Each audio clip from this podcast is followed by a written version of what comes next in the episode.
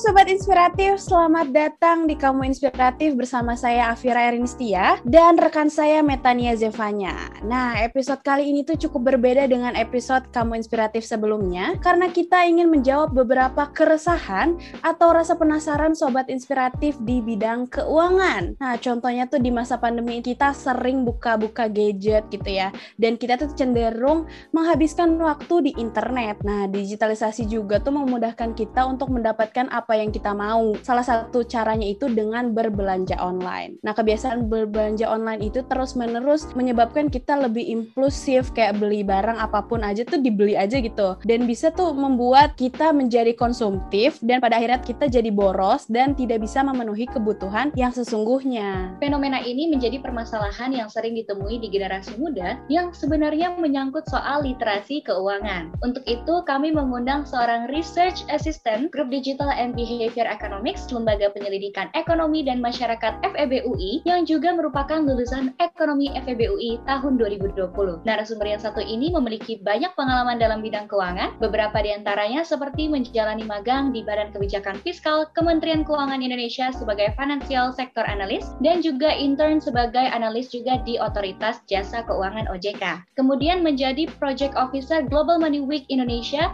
yang diinisiasi oleh Child and Youth Finance Internasional, serta Vice President di Genbi UI. Wow, menarik sekali ya Sobat Inspiratif. Langsung aja please welcome Kak Chania Adinda. Halo Kak Chania.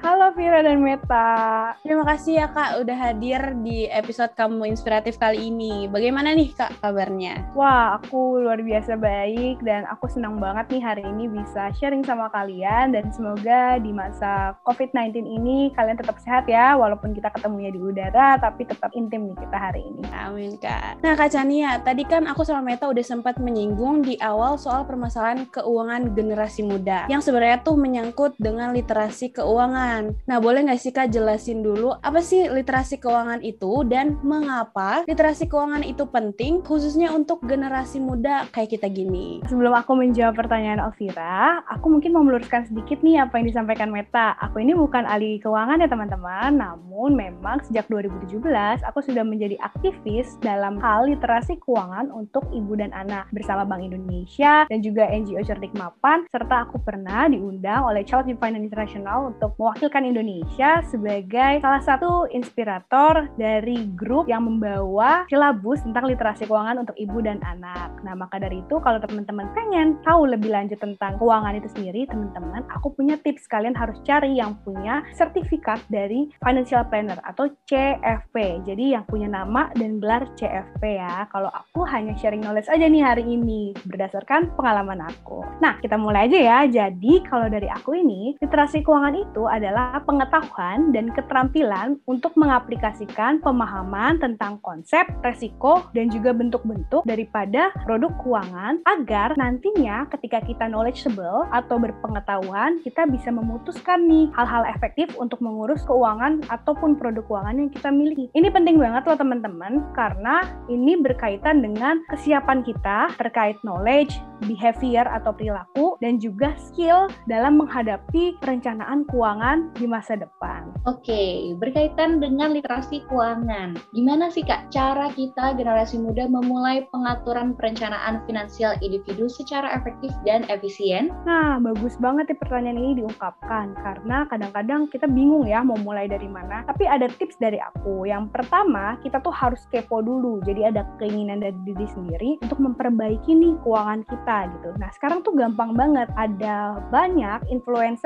di YouTube ataupun mungkin podcast di Spotify atau podcast dan lainnya. Nah teman-teman bisa dengerin nih dari uh, pernyataan mereka. Yang kedua kita harus melakukan yang namanya financial check up. Financial check up ini bisa dilakukan loh secara pribadi. Nanti aku kasih tahu caranya sedikit. Tapi yang kedua yang lebih mudah kita menggunakan jasa financial check up melalui gadget kita, mungkin kalau di Indonesia yang ada di kepalaku sekarang itu kita bisa download di Finansialku atau ada namanya yang baru Chat Alia. Aku bukan disponsori mereka ya, tapi ini hanya suggestion. Yang ketiga, setelah kita kepo, kita check atau financial check up, yang ketiga kita harus nentuin nih goals kita. Kita pengen punya uang berapa di masa depan, pengen punya aset apa seperti tanah, emas, ataupun apa pun dan bentuk investasi apa sih yang kita pengen punya dan berapa nominalnya. Itu penting banget teman-teman karena kita sebagai manusia itu kan visual. Kalau kita nggak tulis, kalau kita nggak memvisualisasikan ya, jika hanya dibayangkan itu tidak akan tercapai loh. Itu sudah ada pembuktian dari risetnya.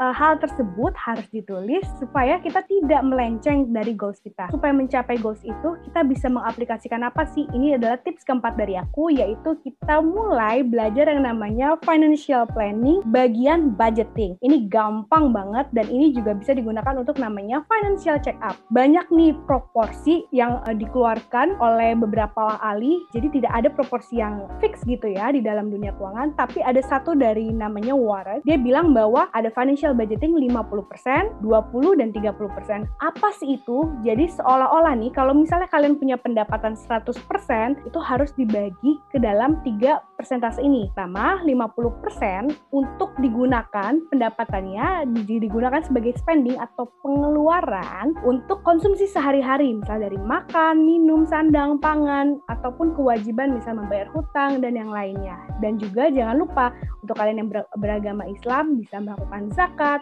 ataupun untuk beragama lainnya melakukan kewajiban agama. Yang kedua, yang perlu dipraktikan yaitu 30%.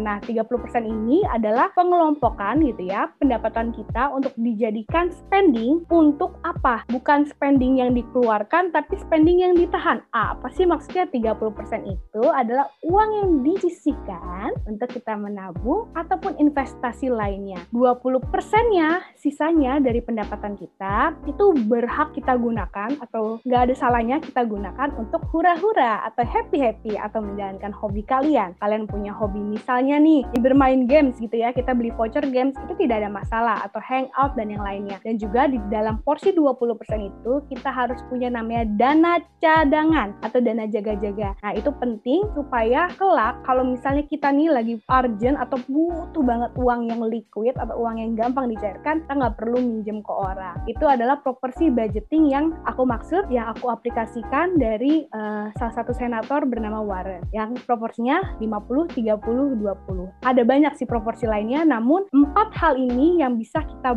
aplikasikan untuk memulai agar kita lebih well literate atau terliterasi secara keuangan dan kita bisa mudah untuk naik level sehingga kita bisa mencapai kepuasan keuangan dan kesejahteraan di masa depan. Wah, keren banget ya Kak tips-tipsnya. Nah, tadi kan Kakak udah ngebahas literasi keuangan, terus udah ngasih tips juga mengatur perencanaan finansial. Nah, sekarang bagaimana sih Kak perilaku keuangan yang baik? Untuk masalah perilaku, itu memang tidak ada yang fix atau biasanya kita sebut adalah relatif. Namun, dalam hal finansial atau dalam hal keuangan, perilaku yang penting harus dimiliki oleh setiap individu adalah perilaku yang disiplin. Apa itu dan bagaimana caranya? Ya, sebagaimana kita tahu disiplin adalah hal yang konstan yang dilakukan agar memiliki pattern atau bentuk yang sama dalam periode tertentu. Pattern atau yang bagus banget nih dibentuk di awal-awal atau uh, kebiasaan yang bagus di awal-awal itu pertama kali sebenarnya adalah menyisikan uang kita. Jadi kita belajar untuk menyisikan uang kita dulu. Coba deh teman-teman kalau misal dapat penghasilan pasti langsung check out di e-commerce kan daripada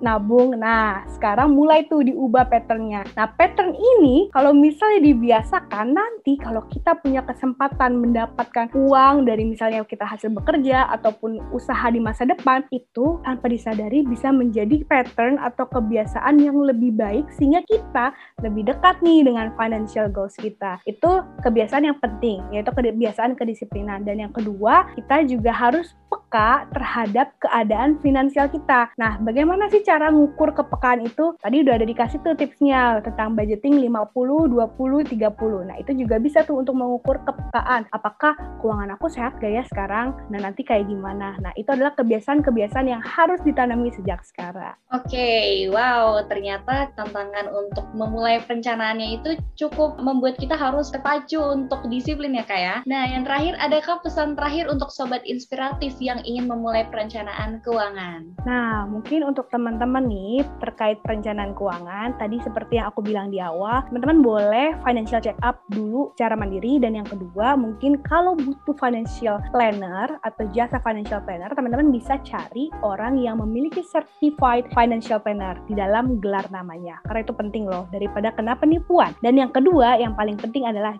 jangan sekali-sekali membeli atau masuk ke dalam dunia keuangan.